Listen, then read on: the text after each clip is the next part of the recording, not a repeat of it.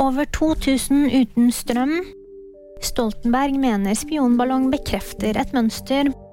Og koronasmitte i VM-troppen.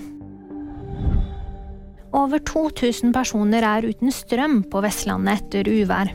Det er for tiden flere strømbrudd i området vårt grunnet svært krevende værforhold. Det melder Linja på sine nettsider.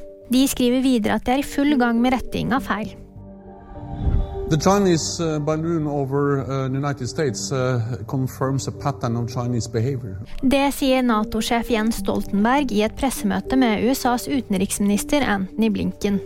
Det amerikanske luftforsvaret skjøt tidligere denne uken ned en kinesisk spionballong, og Blinken sier at de nå jobber med å analysere vrakrestene.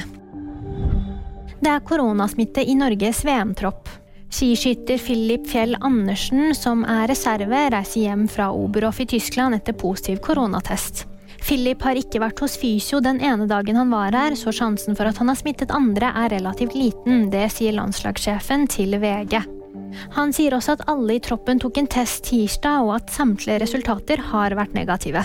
Det var VG nyheter. De fikk du av meg, Jamantbrit Gahr.